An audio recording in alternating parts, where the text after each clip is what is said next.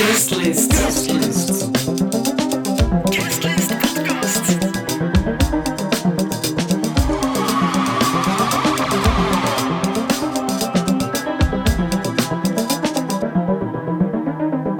hallo, ik ben Rick en welkom bij Guestlist. In de podcast van de AB kijken we aan de hand van de programmatie hier in de AB naar wat er in de muziekwereld allemaal aan het gebeuren is.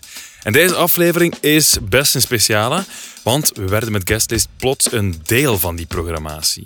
Het zit zo, deze aflevering hebben we live opgenomen op Broadcast Festival. En Broadcast Festival, dat ken je misschien. Het is het eh, festival van de AB begin april dat ja, de grenzen van de programmatie bij de AB toch wat verlegt. Het gaat wat breder en misschien ook wel soms wat wereldser.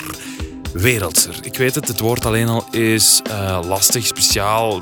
Het, is, ja, het is een stom woord. Laat ons zeggen werelds, het is een stom woord. Maar het leidt ons wel in deze aflevering. Want hoe zit het eigenlijk met die muziekwereld? Is het nog steeds met eh, de oogklep op kijken enkel en alleen naar het westen? Of horen jullie ook meer en meer de invloeden uit andere hoeken van de wereld binnencijpelen? Wij alleszins wel hier bij de AB. En daarom de vraag, hoe zit het met de mondialisering in de muziek? In deze aflevering hoor je twee namen aan het woord. Twee namen die op de affiche stonden van Broadcast. En die allebei op hun eigen manier er wel mee bezig zijn met die zogenaamde mondialisering.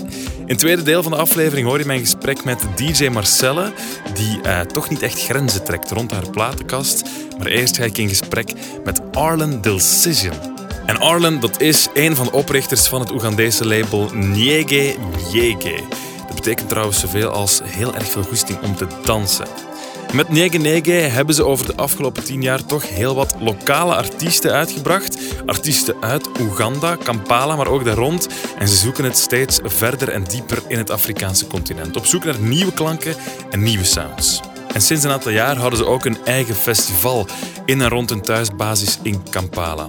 En dat Nyege Nyege Festival is trouwens al uitgeroepen tot het beste elektronische muziekfestival in de wereld. Ik heb het met Arlen over muziek maken met gekraakte software, over hoe je een festival moet organiseren als er zelfs geen CD-spelers in de buurt te vinden zijn, de sound van Oeganda en de muzikale kloof tussen Noord en Zuid. Hi Arlen, how are you? I'm good. Good. Good? fine, thanks. Yeah, welcome Nice to, uh, welcome to broadcast. Welcome to the festival. Um, a lot of acts, like four acts from Nege Nege on broadcast performing tonight. How are they dealing? Are they stressy or is it is it okay? No, I think um, yeah, it's uh, actually for two of the acts. It's the first time performing outside of Uganda. okay, okay. So they were really excited. Um, you know, first surviving the visa ordeal, which they all successfully did. So yeah, they're here. So Yeah, they're here. that so were that. that's the first hurdle, and uh, yeah, I just saw their shows. Uh, they were both great. Mm, yeah, Yeah. really happy. I think they're really excited as well. okay, you feel at ease uh, with Nege Nege on a festival like this? Yeah, totally, totally. I think um, Belgians also somehow are um, home away from home. Is it? Um, yeah, partly because also one of the um, original founders. yeah, also- Derek is from is from Belgium, yeah, right? He's from Yeah. Belgium, so it's always been the place where artists stay when um, they have long layovers over tour, and Yeah. yeah, there's um, the connection runs deep. Okay, like Nyege, it's uh, it's a label, it's a festival, it's you can call it a movement, maybe. Uh, what's Nyege Nyege for you? Can you explain it for people who don't know Nyege Nyege? What is it? What does it mean for you? What is it for you? How would you explain Nyege Nyege? I think um, one way to look at it would be from like how it began, which was in a very organic way. Uh, it was never designed to be all these things in the first place. Um, that all happened sort of um, partly by accident, partly by design, but ended up becoming this almost uncontrollable portal through which all the creative energy that's been going on on the continent has been channeled through. Um, so a lot of the work has been done for us. Um, there's been some work about steering all the energy that's there and managing to get it out to the right ears and and and, and getting it to tour. Um, but I would say, yeah, it's basically become a portal through which um, the you know, this incredible fer- ferment of energy and music and um, creativity that's been bubbling amongst youth in the continent Yeah. for the last uh, you know decade at least in our case is being channeled through. Okay, because how did the Nyege Nyege story started out? It started out in Uganda.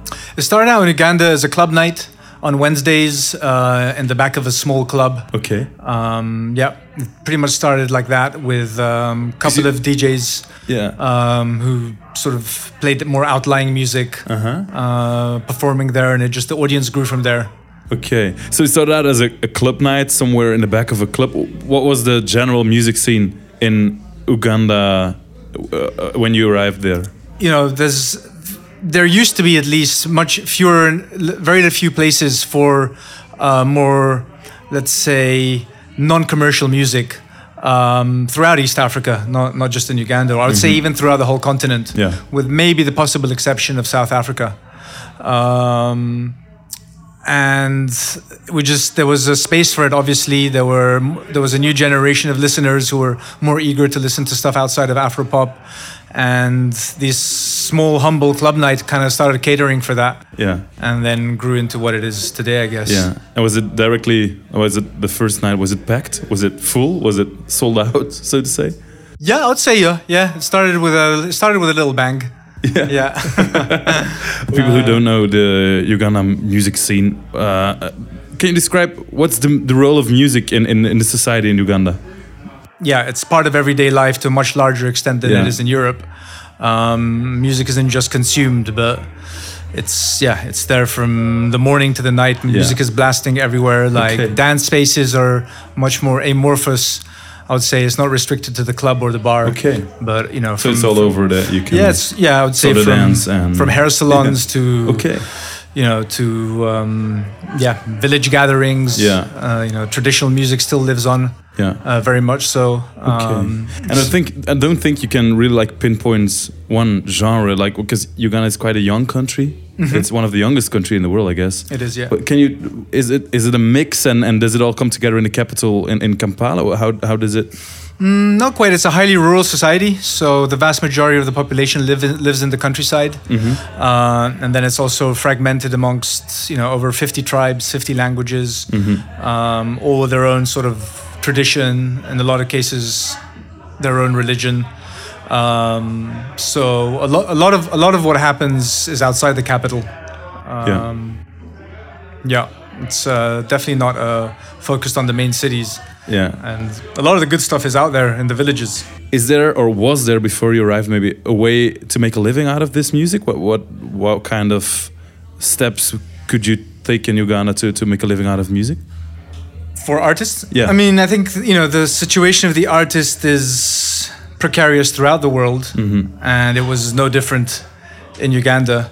Um, there's obviously a inbuilt resilience considering what's been happening throughout sub-Saharan Africa since the 80s, since structural adjustment. Uh, you know, this is a part of the world that has seen a massive decline in standards of living um, since the 80s. Okay. Uh, something which wasn't the case after independence. You had, you know, uh, two decades of improving conditions. Okay. Uh, more and more people getting access to education, uh, good quality education, uh, jobs.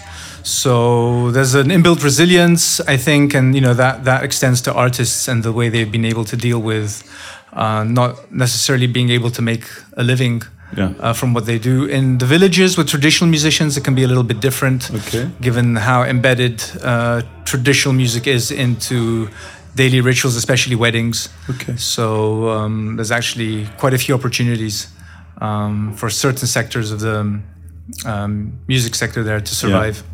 Okay. What's the way of working for Niega Niega? You go out and, and look for music, or people coming to you, or or are you just how does it? A how does little it bit of both, but mainly we have a residency space in Kampala that's been Uh-huh. operating now for uh, over half a decade. It houses over um, 15 artists at any one time. Okay. and um, it's so there's a sort of incubation hub, Yeah. uh, last mile incubation residency space. Yeah. So there's artists from all across the continent. Can you describe the atmosphere in this? this it's like uh, how does it look like? Is it small? It's a big sort of suburban villa Okay. uh, with many rooms, uh, two in-house studios. Um, Oh, people are always collaborating, doing things. There's always visitors. Um, it's also a place to explore sort of cross-cultural collaboration on Mm-hmm. on terms that are fair for uh, local artists. So there's been a lot of um, international artists over the years Yeah. who've also come. Um, so sort of cultural fission, in, uh, yeah, accelerator. of Yeah. some sorts, as someone mentioned it once. Um, but yeah, um, a lot of artists have been sort of incubated and found their um, their craft and perfected their craft Okay. uh, at the residency Yeah. space. What's happening at the moment? Who? What? What artists are?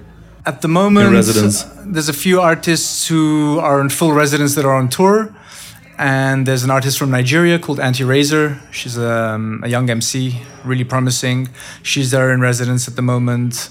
Uh, there's um, uh, an MC from Congo called Wilston. He's there. We just had Feli Mukasi from Durban, South Africa. Uh, it's a GOM collective. Uh, they were there finishing their last album.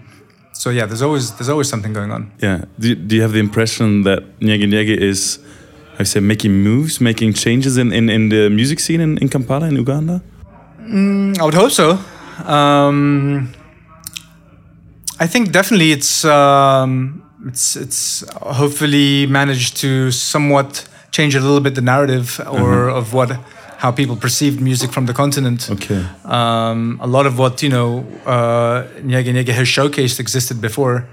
Um, it just that um, I think There the was no way to express it outside the borders, or to some extent that and i think there was also in the main music markets and the main music consumers that you know remain you know to a large extent europe and north america there was also not that much knowledge of what was happening and there was a more narrow sort of perspective and um, desire to consume certain kinds of music not out of any malice or anything or any sort of you know i mean there might have been an element of sort of uh, colonial or post-colonial you know nostalgia for what you know people felt African music should be. Okay. But I think part of it was just not being aware that there was a lot more happening. And do you feel like you need to explain it to, to a lot of people what, what you're doing and, and what's happening and I think people just experience it. And I think you know there's been an organic growth. There's been a lot of hard work behind it. Obviously, the bookings and the touring doesn't happen by itself, but uh, I think the fact that there's you know so many people willing to listen to a lot of the music that at first listen is not exactly the most um, easy to consume. You know, a lot of it is quite challenging. Yeah. uh, music is um, the fact that it's traveling so far and wide is hopefully testament to yeah.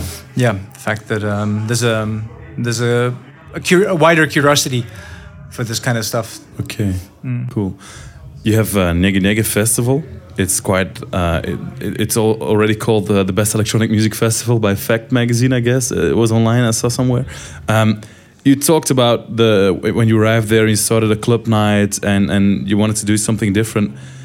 Was it um, did it all start from this this nightlife scene this dance scene was all dance music when when when it started out Yeah, largely, but there was a big focus on traditional music as well, which is also dance. yeah uh, a lot of it at least.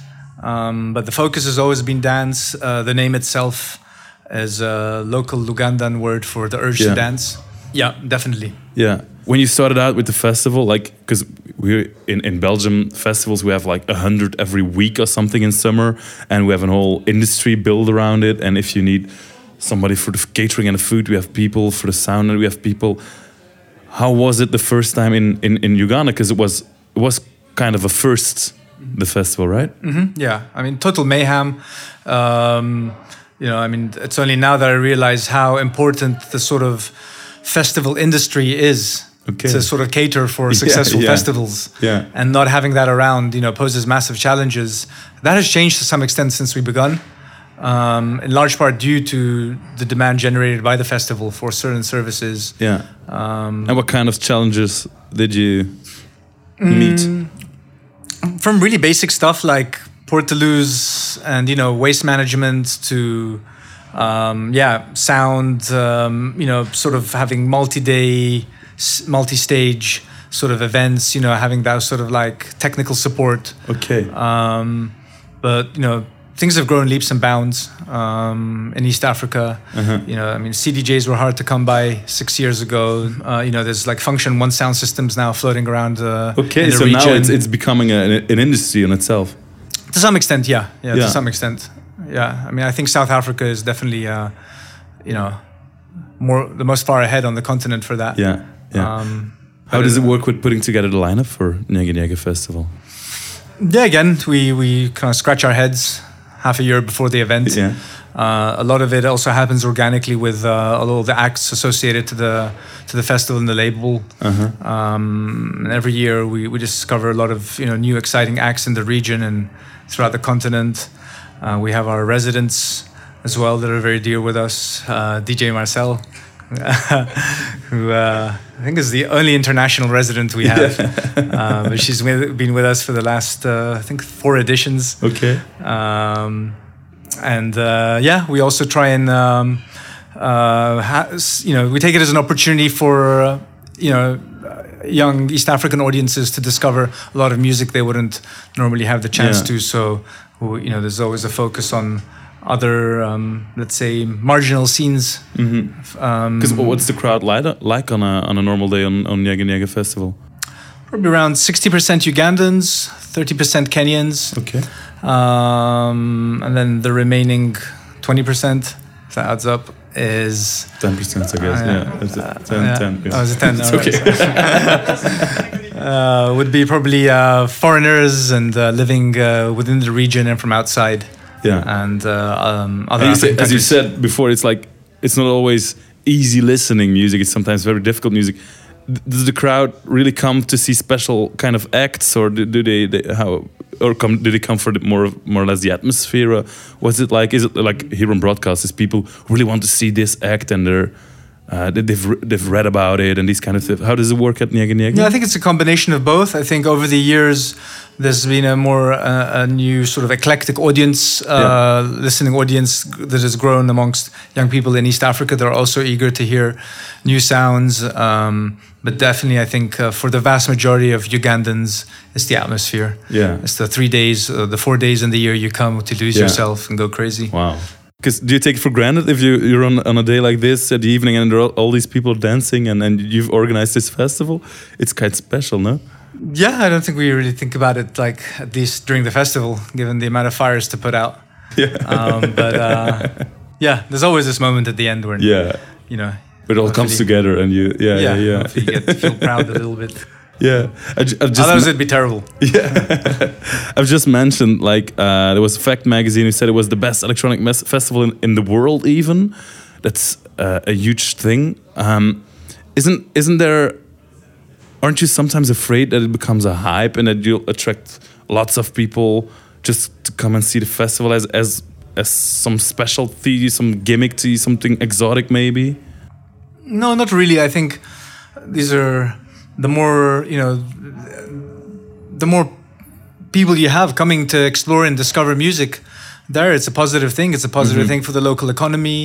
Uh, it, I think it makes artists proud when they see people who've traveled, you know, across the world to come and listen to them. Yeah. Um, you know, that element of multiculturalism is something that maybe we take granted in other parts of the world, but you know, when you're from a sort of more peripheral space, uh, cosmopolitanism is uh, is something that is um, valued. Yeah. So, and I think, you know, they will always strike the balance. The more foreigners come, it means the festival's also benefiting financially. There's a different price tier for foreigners, Yeah, so that yeah. means that we can, you know, keep uh, tickets for locals at a at a at a affordable, price. Yeah. Yeah. So no, I mean it's a question that gets asked, and it's an understandable one. yeah. But uh, you know, this is not the sort of festival of the desert in Timbuktu. Yeah. It's a bit, uh, you know, it's a different sort of breed. Yeah. Um, because the fact that it's so organic and that it, that it, it, it's grass rooted that makes it and it's rooted in youth culture, Yeah. in sort of you know East African youth youth youth culture. It's not a sort of you know traditional cultural festival. Um, that might Yeah. get watered down by tourists. yeah yeah It's not that sort of thing. yeah you've been uh, consistently programming uh, some some western acts as well coming to the festival is it easy to to bring all these international acts into uganda Extremely. it is easy because when we started out in, in the interview you said oh man it was difficult to get the acts over here from uganda Yeah, that that part is hard. yeah so Yeah, but, uh, just the other part is really easy. Everyone's Yeah. excited, obviously. Yeah. To you know, these aren't spaces that uh, it's just an even- email and then they were all yeah you know, I think for artists, it's um, you know, it's, it's it's very exciting to to to travel to these parts of the world to perform. They're not they're not they're not spaces that form part of your normal touring sort of circuit. Yeah. Uh, so when the opportunity arises, in most cases, people are excited. Yeah. It's a visa on arrival. Okay. And, uh, we, And know, we, and we take good, go. we Yeah. good care. yeah, yeah, of, yeah. uh, and the other way around. So that's that's a, a constant headache, a constant difficult difficulty to get acts from the label on other places in the world. It has been, yeah. I mean, it's it's it's it's a bit more easy nowadays, uh, given that, um, yeah, there's been a sort of a lot of the embassies know us, and there's you know most artists now have toured enough to be able to get multi-year visas, and yeah, things are definitely getting easier with time. Okay. Yeah. Okay. Um, you have a label as well. So we talked about uh, the festival, and then you have the label, and, and you're still putting out new music constantly. What's what's happening at the moment? What kind of sounds do you do you feel, see, hear on the on, on the continent, and in Uganda? Again, yeah, ever evolving. Under COVID, we had two years where you know we couldn't really do that many events, so we focused a lot on studio productions. Yeah. There's, um, there's a lot of new projects. Uh, Arsenal that played um, you know a few hours ago here at Broadcast for the first time. Um, that's going to come out soon. We've been doing a lot of uh, recording a lot of yeah exciting acts over the years that we didn't have the opportunity. Uh, choirs and Yeah. Do you have any uh, criteria before no. you, you put out a band? no no no criteria.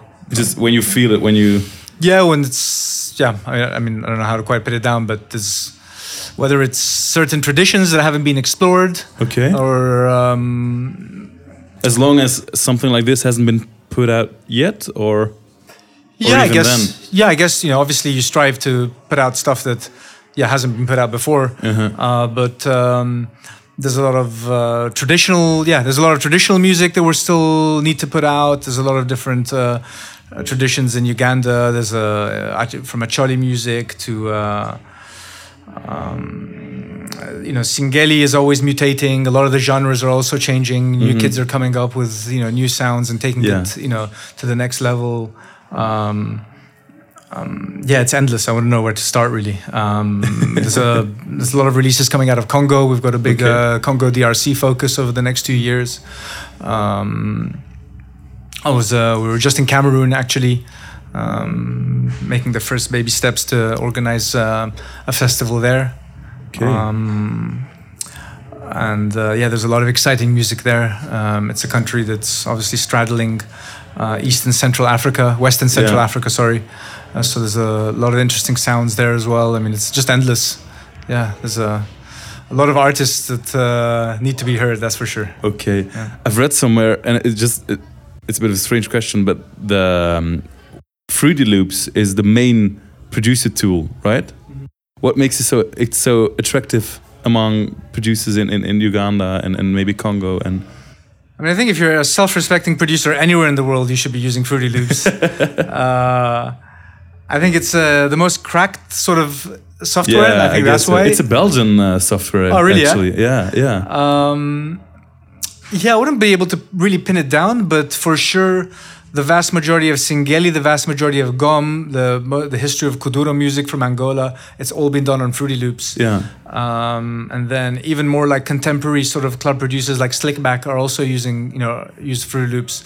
Some of them swear by it. They say there's a certain sound and complexity you can get from it that you can't achieve From Fruity Loops, From wow. Fruity Loops, but I, I wouldn't know myself. But um, yeah, it's definitely the go-to, um, the go-to software. Yeah, okay. So everybody go find a crack of Fruity Loops. In fact, if you don't use Fruity Loops, uh, yeah, we'll, we'll we'll think twice about releasing it. yeah. All right, cool. Well, um, no, thank you so much for uh, coming to the interview and uh, That was a joke. No, and and and uh, all the fun uh, on the festival. You have quite a few acts here. Uh, thank you, Arden Dilsidzian from uh, Nyege Nyege Tapes. Oh, my pleasure. Thanks for having us. Ik had het jou gezegd aan het begin van de aflevering. Het is een eh, speciale episode. Ons is live opgenomen. Dat heb je misschien al gehoord in het vorige gesprek. Het is live opgenomen op Broadcast Festival. Broadcast Festival. Ik twijfel altijd Amerikaans Engels, Brits Engels. We doen Brits. Broadcast Festival. En een van de opvallende namen op eh, Broadcast Festival was toch wel DJ Marcelle. Misschien heb je er al van gehoord. Het is namelijk een DJ die je als je ze gezien hebt, niet snel zal vergeten en waar je misschien nog wel een paar weken over zal praten. De Nederlandse draait altijd op vinyl en trouwens ook altijd met drie pick-ups, drie platenspelers. En trouwens, aan eh, beatmatchen doet ze niet mee. Beatmatchen zorgen dat eh, de plaat altijd in tempo in elkaar overgaan. Dat doet ze niet, dat eh, is voor macho's, dat ga je straks wel horen. Ze draaiden al op de hipste festivals, zoals onder andere Dekmantel. Ze is vaste resident van Niege Niege en ze doet vooral altijd vol een bak haar eigen goesting. En na het gesprek kan ik haar eigenlijk geen ongelijk geven. Want we hebben het over vrouwen achter de draaitafels, mixen voor macho's, de kracht van muziek en de spirit van de punk. Dag DJ Marcella. Hallo, Hallo, hoe gaat ie? Eh, ik heb een beetje rugpijn. Maar Beetje eh, rugpijn. Oké, het zijn niet de meest comfortabele Nee, zetels, dus we gaan niet te ik- lang ik ben houden. twee dagen geleden naar de kinesist ook. eh, Oké, dus, dus ik hoop er- dat het... eh, Er zit verbetering aan te komen. Het, ja. Oké. Eerst en vooral welkom in Brussel trouwens, op eh Broadcast Festival. Ik heb een cadeautje voor jou mee. Ik vind het wel de moeite om, eh, om, om mensen cadeautjes te geven, alsjeblieft. Spannend. Ik, heb- ik heb gehoord dat je er iets mee hebt, maar natuurlijk, het is natuurlijk Ah, mijn de smaak. mok. De mok. Ja, ja, ja, ja, ja. ja. Want ik heb jou nu net een mok gegeven voor Ja, de ja. mensen thuis. Geen idee wat er aan het gebeuren is. Hè? Ja, ja geweldig. Nee, eh, geweldig. Wat heb jij juist met koffiemokken? Nee, ik, ik, ja, ik reis ook gewoon, gewoon de hele wereld over. Ik ben meestal alleen. Ja. En eh, ik ben gewoon heel nieuwsgierig van aard en ik loop altijd rond. En op een gegeven moment ben ik gewoon begonnen ergens een mok te kopen van waar ik was. Ja. En eh, dat groeide uit tot een hele verzameling. Ik heb er nu inmiddels, weet ik veel, 100, 200, 100 of 200. weet ik. 200 Ik weet niet, ik- koffiemokken. Of nou ja, het kan ook wel een, soms een glas zijn. Ja, of zo. Of, ja. een, eh, ik heb nog pas in eh, Santiago de Compostela een hele mooie soep. Soeptas. kom- kom- ja, ja, soeptas. Ja, soepmok. En eh, ik weet niet of je het gezien hebt, maar ik heb zo in het begin van de lockdown heb ik zelf al, ben ik allemaal begonnen filmpjes te maken. Uh-huh. En ik heb eentje gemaakt met alle mukdub. Dus hele, hele rare dub met allemaal mokken die ik dan laat zien. Op een draaiende draaitafel. Heerlijk. En heb ik een goede keuze gemaakt? Ja, weet ja, ja. ja, ja. niet- Het is met ons, het is met ons Brussel symbool, nee, erop. Nee, maar het, het gaat niet erom... Ja, die toeristen dingen die zijn... Niet, die koop je niet vanwege de schoonheid of nee, zo. nee, nee, klopt. En, en, eh, ik heb mijn best gedaan om, om Nee, nee, de nee, esthetisch meest eh, Ik verantwoorde... vind het ontzettend lief. Fantastisch. Alsjeblieft, geniet ervan bij volgende Ik had, koffie. trouw, ik had trouwens al eentje van Brussel, maar nu Ah, heb ik er dus twee. heb je er twee. Voilà, Ja, ja, ja. perfect. Goed voor bij de collectie. eh, 201 ja, mokken ondertussen. Ja. Het, het verzamelen, het zit er bij jou in. Niet enkel die mokken. Ondertussen ook wel een pak vinyl, denk ik. Want je draait altijd met eh, platen, met vinyl. eh, fysieke vinylplaten. Ben je bijvoorbeeld nu al in Brussel eh, gaan kijken naar platenwinkels? Is dat Nee, iets wat je doet? ik, ik ben al eh, ben vrij laat gearriveerd. Dus er was geen tijd meer. Maar meestal doe ik dat wel, ja. Ja. Ja. En, en kom je dan dingen tegen die je, die je anders niet zou tegenkomen? Ja, ik, ik ken inmiddels zoveel eh, platenzaken overal eh, in de wereld. Dat mensen mij ook vaak kennen. Dus eh, iedere zaak heeft wel iets speciaals Oké, dus het is niet dat je sommige, binnenkomt... sommige zaken komen met hele aparte techno. Andere zaken komen met avant-garde. Men, ik, ja, ik ben in heel veel dingen wel geïnteresseerd. Het is niet dat je een, een bak hebt waar je sowieso naartoe loopt van nieuwe rivals. Nee, ik, of... ik, ik zeg altijd, ik zoek geen platen, ik vind ze. Oké. Dus ik, ik kijk gewoon overal. Ik kijk niet bij de heavy metal of bij de rock of bij de synthpop of zo. Mhm. Dat zijn genres waar ik niks mee heb. Maar in principe, eh, een van de dingen die ik leuk vind eh, aan platen kopen is ja, dat je iets vindt wat je helemaal niet weet dat het bestaat. En ik, ik let gewoon op, op hoezen of op eh, weet ik veel. Dus gewoon, het is gewoon spannend. Ik vind het ook heel leuk om naar rommelmarkten te gaan, maar dan niet voor platen te kopen, maar gewoon eh, ja, dat je verrast wordt. Dat je iets vindt dat je dacht van dit heb ik helemaal niet nodig, maar Nee, nu plots nee. wel. Kijk, ik, ik, weet, ik, weet, ik weet natuurlijk wel veel van muziek. En, dus ik, ik, ik weet wel dingen of zo. Maar in het algemeen luister ik gewoon, weet ik veel, eh, 40 tot 50 nieuwe platen per maand. Die ik allemaal niet ken. Ja. Ja, want dat is wel eh, eh, iets dat je een leiding kan trekken. Je bent altijd op zoek naar iets nieuws. Eh, Dus een soort drive die erin zit. Van waar komt die drive, weet je dat? Ja, voor mij is dat een soort essentie waarom ik überhaupt muziek goed vind. Er moet een soort spanning in zitten of een bepaalde urgentie. En die is minder gericht op een bepaald genre, maar meer op. op ik ben begonnen met punk of zo, eh, toen ik heel jong was, 1977. En dat was toen hele spannende muziek. en dat, maar ook de spanning. En het, het was natuurlijk een afzetten tegen die symfonische rock en Ja. dat soort dingen, wat allemaal vreselijk was. Dus dat vond ik ontzettend spannende muziek. Maar ik vond het ook spannend dat je soms helemaal niet wist of je het wel goed vond. Bijvoorbeeld. Dus dat je het op, zelf oplegde en dacht, ik weet niet of dit goed is, maar ja, het is nieuw. gewoon. Maar ik vond het meeste wel goed. Maar Ja. ook een heleboel van die platen vind ik nu gedateerd. Ja. Maar ik heb altijd gehad, muziek moet altijd vooruit gaan. Er is, voor mij is retro of dat soort dingen. Ik ben natuurlijk wat ouder.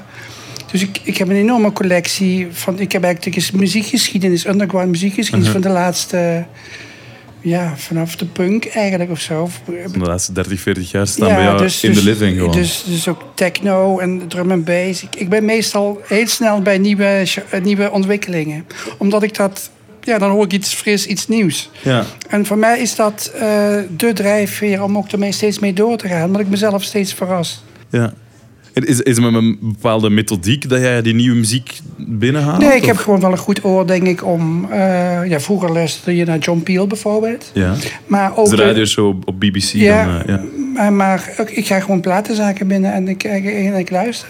Het is niet dat je op het internet... een beetje wel, een beetje wel, ja. Maar, ja, of ik spreek met mensen, of eh, ik spreek met Arlen van, ja, eh, van. Nenge of Ja, zo. En dan, krijg- ja. dan krijg je wel dingen binnen. Ja, want hij is, dat vertelde hij niet, maar Ja. ik weet dat hij wel ontzettend veel op internet zit, allemaal dingen, dingen eh, te ontdekken. Dus ik heb ook heel veel dingen via hem leren kennen op het festival. Oké. Want hij heeft ook die nieuwsgierige drive. Er moet iets Uh-huh. nieuws in zitten. Er is geen, ik vind muziek eh, vaak... Het heeft voor mij geen zin om dingen te doen die, al, die er al gedaan zijn. Of Mhm. als een bepaalde...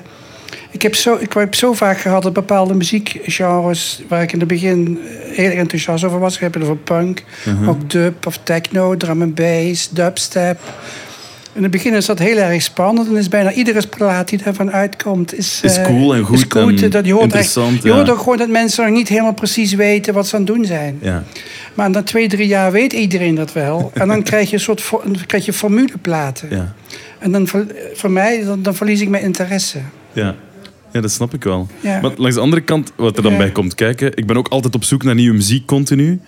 Ook voor, voor mijn radioshows, maar er komt er natuurlijk al bij dat je ook heel veel troep moet Ja, doorluisteren. tuurlijk, tuurlijk. Dat hoort erbij. Dus, dus bij die vijf... Hoeveel, hoeveel platen luister jij zo op een week ongeveer? Ja, dat, dat wisselt. Nu is het iets, iets minder. Dat ik natuurlijk eh, de laatste eh, anderhalf jaar minder gereisd heb. Maar Ja. wel heel veel. Het kan heel veel zijn. Dus Ja. het, eh, kan, kan ik niet zeggen. Maar... En kan soms iets zo slecht zijn dat het jou toch aanspreekt? Nee, het is wel zo dat ik soms dingen in een plaat hoor die, die als je de plaat alleen draait, misschien niet zo spannend is. Uh-huh. Maar dan weet ik, als ik dan, dan bijvoorbeeld eh, het, het, het gekrijs van een baby er doorheen draaien of, eh, of eh, dolfijnengeluiden, dan is die drie dingen, maakt het wel goed. Voor mij is het heel erg muziek in een andere context zetten. Ja. En dat het publiek ook altijd niet precies weet. Ja, is zij nou een techno-dj of een drum and bass? Dat, dat is bij mij verslagen niet, niet te zeggen. En voor Nee. mij is dat essentieel om eh, altijd een stap voor het publiek te zijn. Dus ik Ja. denk de meeste DJ's doen min of meer wat het publiek ver- verwacht. Ja. En ik doe gewoon, voor mij is de creativiteit en dingen ineens een totaal andere richting opsturen ook een soort essentie. Ja. Omdat je wel dan je, je aandacht erbij blijft houden. Ja. En voor mij is muziek niet alleen maar hedo- hedonisme of. of het is ook gewoon ja, een soort avant-garde eh, approach. Dat heb Ja. ik al mijn hele leven Ja, gehad. want als je zegt, het is Ja. geen hedonisme, dan is dat omdat dat iets is dat jou ja, tegen de borst stoot misschien bij, bij andere DJ's? Of in, in het algemeen in een soort van partycultuur of zo? Ja, ik- nou ja, het, muziek is voor mij eh, heel erg belangrijk. Toen ik, toen ik ermee begon, toen had ik een hele moeilijke periode in mijn leven. Dat ik, ik ben heel jong wees geworden. En dat ging samen met eh, de opkomst van de punk. Dus voor mij was muziek een soort troost, een soort overleving. Dus voor Ja. mij is muziek altijd heel erg serieus geweest. En dat is het tot op de dag voor vandaag. En dat heeft Als in levensbelangrijk voor jou. Ja, levensbelangrijk. Dus meer dan een hobby eigenlijk. Ja. Dus eh, daarom doe ik het ook nog steeds. Ja. En ik maak natuurlijk ook zelf ook heel veel muziek. Maar dan eh, kreeg ik eergisteren de testpersing van mijn nieuwe LP. DJ Marcella The Musical. en eh, ja, dat, en dat, hoe ik naar andere platen luister, maak ik zelf ook muziek in de zin van... eh, Ja, jullie hadden het over Fruity Loops. Ik weet niet eens wat het is. Ja. Snap je? Ik, ik heb platen gemaakt op apparaten eh, die ik nog nooit eerder had gezien. Dat ik Mhm. bij iemand thuis was in München of zo. Ja. Ik heb een hele open blik, een oor naar zelf muziek maken en zelf, eh, Ja. zelf muziek luisteren. Ja. Er, moet altijd, iets- er moet altijd iets spannends in zitten, dat het ook ieder moment mis kan gaan. Ja. Hoe zie je dat dan bij jouw DJ-sets? Is dat dan niet elke DJ-set is de bedoeling dat, dat het allemaal fun en ja, hedonisme en fun en uit de Nou, gaan ik, weet- ik weet het niet. Kijk, als je erover praat, wordt het soms een beetje pretentieus. Ja. En dat, dat wil ik ook niet. Maar het gaat erom van, ja, we hebben allemaal verschillende emoties de hele tijd. Tenminste, ik wel. Ik kan heel snel van emotie Mhm. eh, wisselen. Dus soms is het heel erg grappig, soms is het heel erg wild, soms is het heel erg... Maar dat gaat allemaal door elkaar heen. Zoals, eh, ja, zoals het leven ook is of zo. Maar dat klinkt een beetje te pretentieus. Ja. Maar voor mij is dat gewoon de enige manier om muziek interessant te maken. Want anders is het altijd happy Is het een en... soort formule of een soort formule? Ja, ik, ik, een goede techno set of zo vind ik ook wel leuk. Maar voor mezelf is dat te saai. Ja. Er moet altijd iets gebeuren. Ik denk als je mij gezien hebt, je kan het helemaal niks vinden of zo, maar je zal het niet snel vergeten. Oké, dat is ook belangrijk. Ja, ja, ja, ja, ja, dus. En is- maar kan het dan zijn dat je bijvoorbeeld, als je een droevige dag hebt, dat die set ook gewoon Ja, tuurlijk. een droevige, een droevige Ja, set dan is? tuurlijk, tuurlijk. En, en wat voor platen zou je dan selecteren? Dus weet ik niet of, of het wordt minder, eh, minder eh, experimenteel of zo. Ik weet het niet. Nu heb ik een beetje rugpijn. Wat ik ervan maak. We gaan het horen We vanavond. gaan het horen, ja, ja. We gaan het horen vanavond. Ja. Oké. Ja, als je, als je aan het draaien bent, eh, als DJ, nu zeker tegenwoordig met dingen als Boiler Room en dergelijke, de, de DJ wordt echt aanbeden bijna als, als, een, als een goddelijk wezen in de ruimte. Iedereen staat op jouw vingers te kijken. Hoe ga je ermee om met al die, die blikken richting de, de DJ-booth, richting jou? Ehm, kijk, ik sta, niet, ik sta niet op het podium omdat ik zo graag in de belangstelling sta. Ik ben dan zichzelf een eh, rustige vrouw. Maar ik vind het ook wel leuk om op het podium te staan en iets, ap- iets aparts te doen of zo. Maar eh, ja, hoe moet ik dat zeggen? Eh, kijk, een heleboel dingen in de muziekwereld is voor mij verslagen oninteressant. Dat het beroemdheden, heel veel geld verdienen, succes. Succes is voor mij, kan voor mij ook zijn dat tien mensen helemaal doordraaien en tien mensen weglopen of zo. Ja. Snap je? Is niet van als iedereen danst, dat het dan automatisch een succes is of zo. er, moet, er moet iets gebeuren. Oké. En eh, ik word gewoon, en ik doe ook precies wat ik wil of zo. Dus Ja. niet dat ik. eh, Dat doe je aan niks. Dat er, want als je dan aan die DJ-boot komt staan, dan zitten mensen kijken naar jou. Er zit een bepaalde verwachting in, in, in, in die blikken waarschijnlijk. Ja, inmiddels kennen ben ik best wel een beetje bekend geworden. Dus ze weten ook dat ze eigenlijk niet kunnen inschatten wat er komt. Alleen dat het verrassend zal zijn. Ja. Maar zoals ik al eerder zei, ik, het eigenlijk, ja, dat klinkt stom. Dus, eh, op een bepaalde manier interesseert het me niet zoveel wat het publiek. eh, En heb je dat altijd al gehad sinds altijd begint sinds het begin. En, en, en eh, omdat muziek voor mij iets is wat uit mezelf komt. Ja. Of ik het nou maak of wat ik voor anderen draai. En daar, waar ik gewoon in geloof. En ik, heb, ik doe het natuurlijk al zo lang. En ik kan er ook al heel lang van leven. Dus het is Ja. ook niet dat het nu pas is. en, eh, dus ik, ik heb ook wel een bepaalde bevestiging dat het ook wel... eh, ja, dat het ook wel ergens op Ja. slaat of zo. Ja. En, eh, bijvoorbeeld Nigge Nigge. Ja, effectief. Toen, ze mij de- toen ik daar de eerste keer speelde... Ja, want ondertussen ben je eh, lifelong resident, denk ik, benoemd tot lifelong Ja, re- ja, resident ja, van door- 99 door- door Festival. Dus je elke keer, elke editie zal jij erbij dat als zijn. enige, als enig iemand, als enig internationaal, dus niet Afrikaanse act. Dus het is een geweldige eer. En dat, dat kwam gewoon ook de eerste keer daar speelde. Ik kwam Arlen en Derek naar me toe meteen na het optreden van ja, we willen jou eh, iedere, iedere keer. Ja. Zonder dat ik erom had gevraagd of dat ik, dat ik in mijn hoofd had van eh, ik moet iets doen waardoor zij het goed vinden of zo. Ja. Daar ben ik allemaal niet zo niet, Niet- niet mee zo- bezig. Anders zou ik het niet vol kunnen houden. Ik denk Nee. als je de hele tijd bezig bent wat mensen van je denken, eh, ja, dan, hou, dan, hou, dan was ik al lang gestopt. Snap je? Nee, Nee, dat- nee, nee, Dus ik ben eigenlijk vrij ontspannen. Ook vrij ontspannen eh, als ik optreed of als ik, eh, omdat ik gewoon, ik ben heel gelukkig als ik Mhm. En is creatief. dat iets dat je geleerd hebt door het te doen? Ja, door te doen. Maar ook mijn muzikale historie is ook iets van... Ja, ik was zeggen, ik kom uit de punk, ik kom uit de postpunk... waar, waar muziek niet geacht wordt om per se te entertainen... maar omdat het uit jezelf komt en dat je iets te zeggen hebt. Ja. En die houding, dus ik, ik heb het niet over een muziekgenre... maar Ja. die houding, die heb ik nog steeds. Dat, ik- dat je onafhankelijk bent... Eh, ik heb heel lang mijn boekingen zelf ook gedaan. Ja. Om alles in eigen hand te houden. Inmiddels heb ik wel een boekingsbureau in, eh, in Portugal. Ja. Maar Ja, want ik, heb, ik, ik las ergens of ik hoorde ergens in een interview, denk ik, die onafhankelijkheid is iets waar je echt heel hard voor staat. Hè? ja, omdat ik het anders niet vol kan houden. Kijk, muziek is voor mij ook te, te belangrijk om daar veel compromis in te doen. En ik kan, ja, ik word alleen, en alle, alle succes die ik heb, succes of waardering, dat is misschien een beter woord, dat heb ik, dat heb ik helemaal zelf eh, bereikt. Ja. Door gewoon steeds er zelf in, zelf in te geloven. En, Mhm. eh, ja, en ik ben ook zo lang met muziek bezig. Ik heb, ook wel een, ik heb gewoon al een bijzonder oor voor bijzondere klanken, dat kan Ja. ik wel zeggen. Getraind oor eh, door de jaren heen. Ja, maar niet. niet eh, gewoon een open oor. Dat, Ja, Misschien is dat beter. Het is niet dat ik per se, per se. Bijvoorbeeld, je hebt natuurlijk de laatste 10, 15 jaar heel veel bands met een postpunk geluid. Ja, maar, ja, klopt. Ja. maar voor mij is dat, is dat niet totaal oninteressant. Want het voor mij een hele, vaak een hele slechte kopie is voor, van een Echo Ja. the Bunnyman of weet ik veel. Dus, dus je hebt niks met nostalgie en muziek eigenlijk. Eigenlijk niet, nee. Nee. Ik bedoel, ik, ik, eh, ik maak ook heel veel radioprogramma's. En eh, ik heb één programma, dat heet The Final Train. Dan draai ik allemaal platen, mijn hele collectie, verslagen willekeurig door elkaar. Het is niet zo dat ik hele oude platen... Het geweldige, het zijn altijd natuurlijk geweldige platen gemaakt. En sommige vind ik nog steeds heel goed. Maar ik vind het niet fijn als ik optreed... dat mensen in de, in de herkenningsstand... Oh, dat ze leuk, oh ja, de herkenning. Of dat ze... eh, jeugdsentiment voelen of, of, of wat dan ook. Dat, dat, wil- dat is, voor mij is dat te saai. Is te te, eh, mu- muziek moet niet te veilig zijn. Ja. En eh, vaak nieuwe muziekgenres in het begin zijn ze ook helemaal niet veilig. Maar als het die klank bepaalde, ja, iedereen dat gaat doen, dan is het eigenlijk net zo conservatief als, als muziek die sowieso slecht is, zoals symfonische rock misschien of zo. ooit tegen bewogen heeft. Ja, dan, dan, is het weer een trucje wat, Ja. wat, wat, eh, wat zich herhaalt. Ja. Maar ik snap natuurlijk wel als je 18 bent en je, wil- en je speelt die muziek, dat je dat wel goed kunt. Voor mij, voor mij is dat dan minder interessant. Ja. Ja, snap je? Ja. Je, je had het net Ja. over het 99 Festival, waar jij nu dus resident bent. Wat spreekt je zo aan in, in wat zij aan het doen zijn?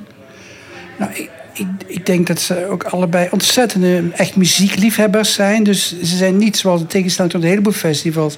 die grote namen willen of die succes willen. Ik weet dat zij gewoon heel erg... allemaal Los van de Afrikaanse dingen, echt allemaal mensen willen helpen. En Ja. ontzettend, ook ontzettend goed oor hebben om, eh, om bekende dingen eh, te doen. En dat doen ze gewoon. En eh, ja, het is in alle opzichten een, een, een sympathiek eh, festival. Ja. Hoe ben je met hen in contact gekomen? Ze hebben mij gewoon een, heel goed een keer geboekt. Dus Ja. En, en hoe is het? Want je zegt er net, ik wil heel graag... Je bent er trots op dat je daar nu resident bent, uiteraard. Wat, waar, wat maakt dit zo'n speciale plek? Of waarom kom je er dan ook zo graag? nou, ik heb daar inmiddels ook veel vrienden ook, en vriendinnen.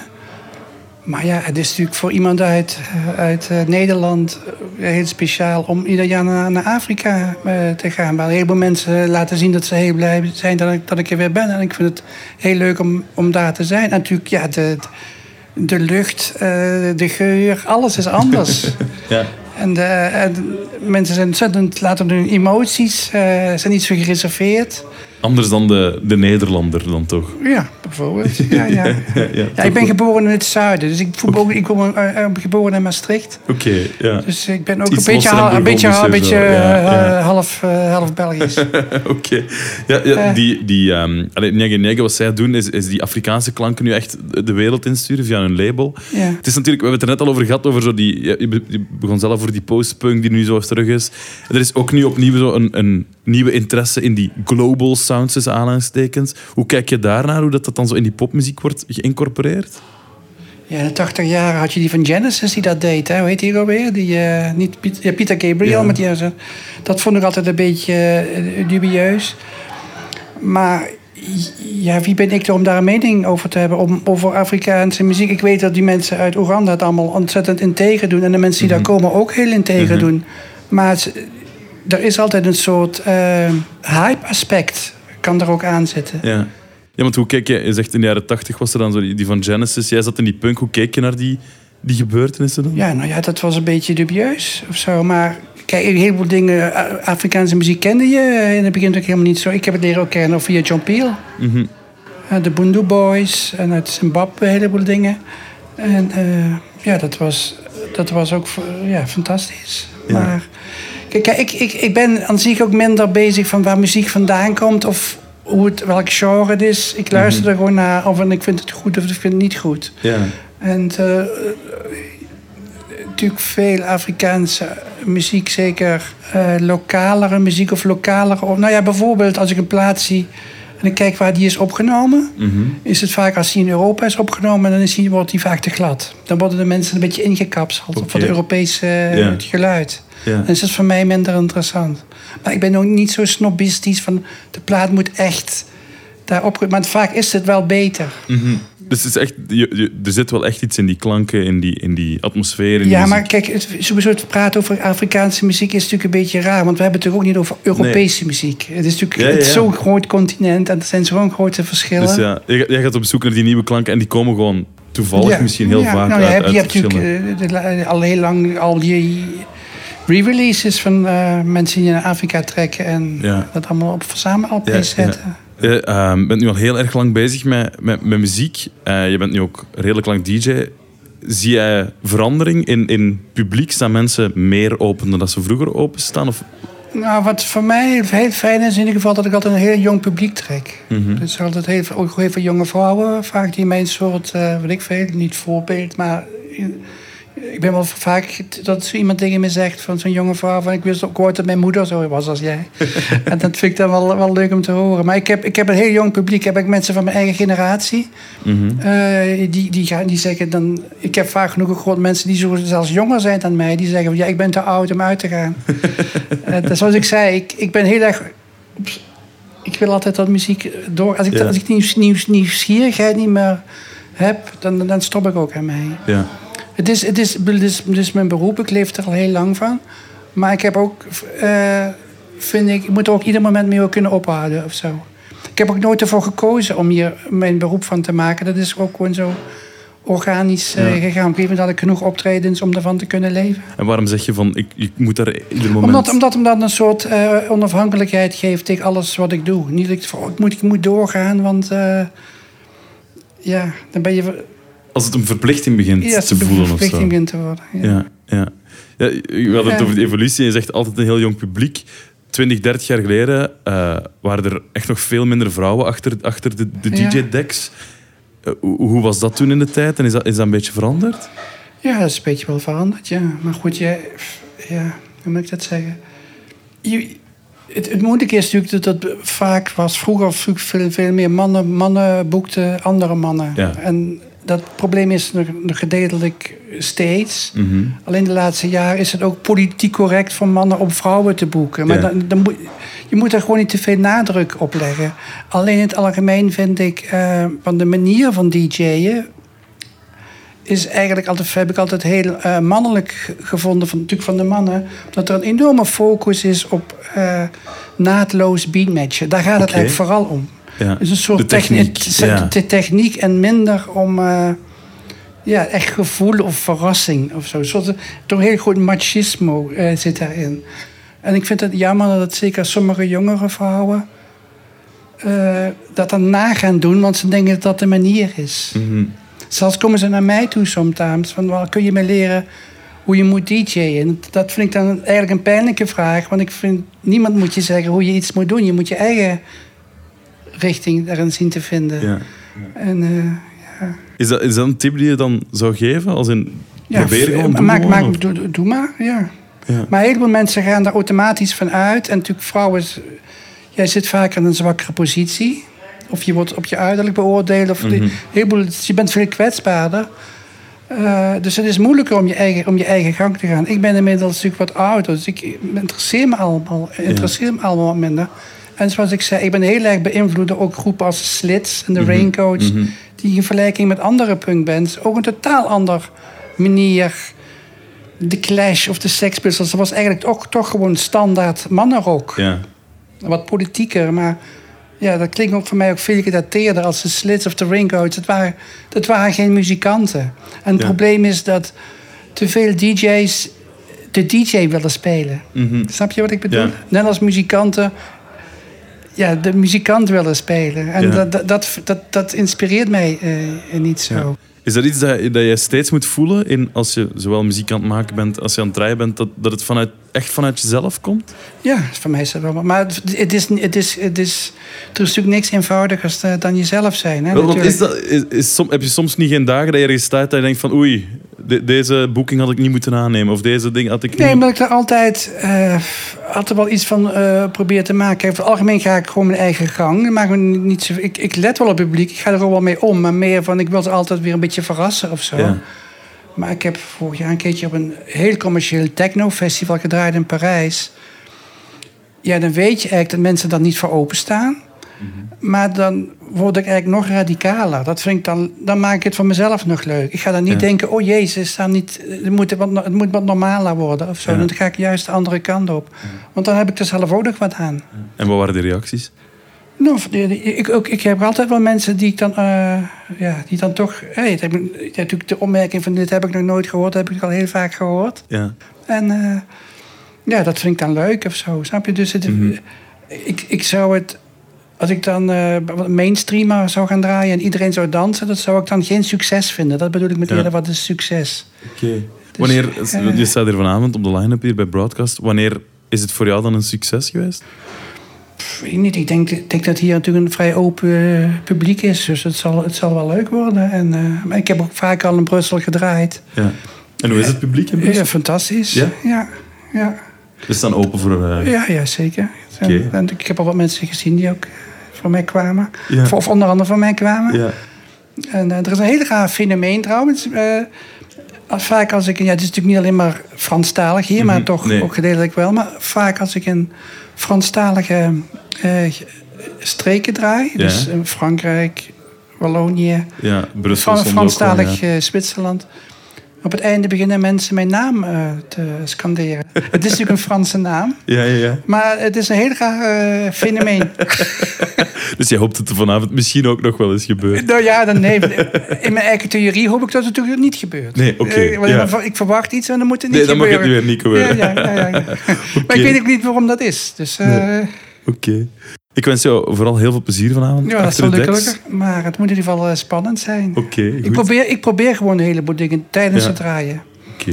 Dus daarom daarom heb ik soms ook, ik heb ook vaak pro- eh, problemen met technici. We kunnen ze al waarschuwen. Nee, nee, nee, dat het hier wel goed is. Nee, want, omdat ik dan te weinig licht heb. Bijvoorbeeld, Ja. ik moet de groeven zien. Want soms Ja. kun je zien of een, op een plaat hard of zacht is. ja. Dus dan probeer ik gewoon iets. Maar als ik het niet kan zien, vaak staan DJ's natuurlijk in het donker. Of je hebt Ja. die, die rookmachines. ja. Dus, eh, dus vaak nemen mensen me dan, of dat is dan ook met, misschien met man vrouw, dan nemen ze me niet helemaal serieus. Inmiddels wel wat meer, omdat ik dan be- wat bekender ben. Mhm. Maar ik moet dan soms echt knokken om eh, geen rookmachine, genoeg licht. en, eh, en ik heb dus op de laatste drie LP's van mij, omdat je natuurlijk met elektronische muziek kun je alle titels verzinnen die je. Dus één nummer heet eh, Technicians eh, and the Light Effects, Technicians and the Smoke Machines. En eh, laatste LP staat het nummer heet Technicians Leaving the Club. Omdat soms dan zijn ze er wel, maar op het moment dat ik begin zijn ze allemaal weg. En, eh, heb je ze net nodig. Dat- ja, ik, ja. ik wel, omdat Ja, ik gewoon ook een heleboel verschillende dingen door elkaar draai. Je moet, er moet wel, eh, het is, Iemand, niet, het is eh, niet één USB en wat eh, op die nummertjes eh, vergelijken. Dus, eh, maar ik zeg, ja, sommige van die nummers, eh, als er een eh, nummer komt bij voortdurend een deur, hoort dichtslaan en Ja. bye bye hoort roepen, dat is het nummer Technicians Leaving the Club. Maar ik probeer, ik probeer, dus altijd iets van eh, wat onaangenaam is en toch weer een leuke draai Ja. van te maken. Oké, perfect. We zullen zien of de techniekers blijven zitten vanavond. Eh, en voor mensen die naar de aflevering luisteren, ze zullen het moeten vragen aan mensen die erbij waren, want dat, het zal Ja. in de toekomst uitkomen. DJ Marcella, dank je wel om langs te Ja, komen. dank je wel en veel voor het plezier interview. vanavond.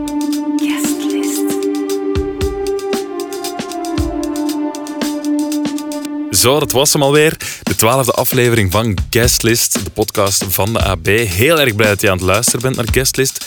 Je mag altijd eh, sterren achterlaten in je podcast-app. Je kan je trouwens ook abonneren. Dan krijg je de volgende aflevering elke maand gewoon paf binnen in je podcast-app. En dan hoor je mij volgende maand terug in misschien ook wel een speciale aflevering. Want dan hebben we het over de Belgische metal. En natuurlijk onder andere met eh, de man met een prachtige naam, Frankie Ismet van Damme. Hell yeah, tot de volgende.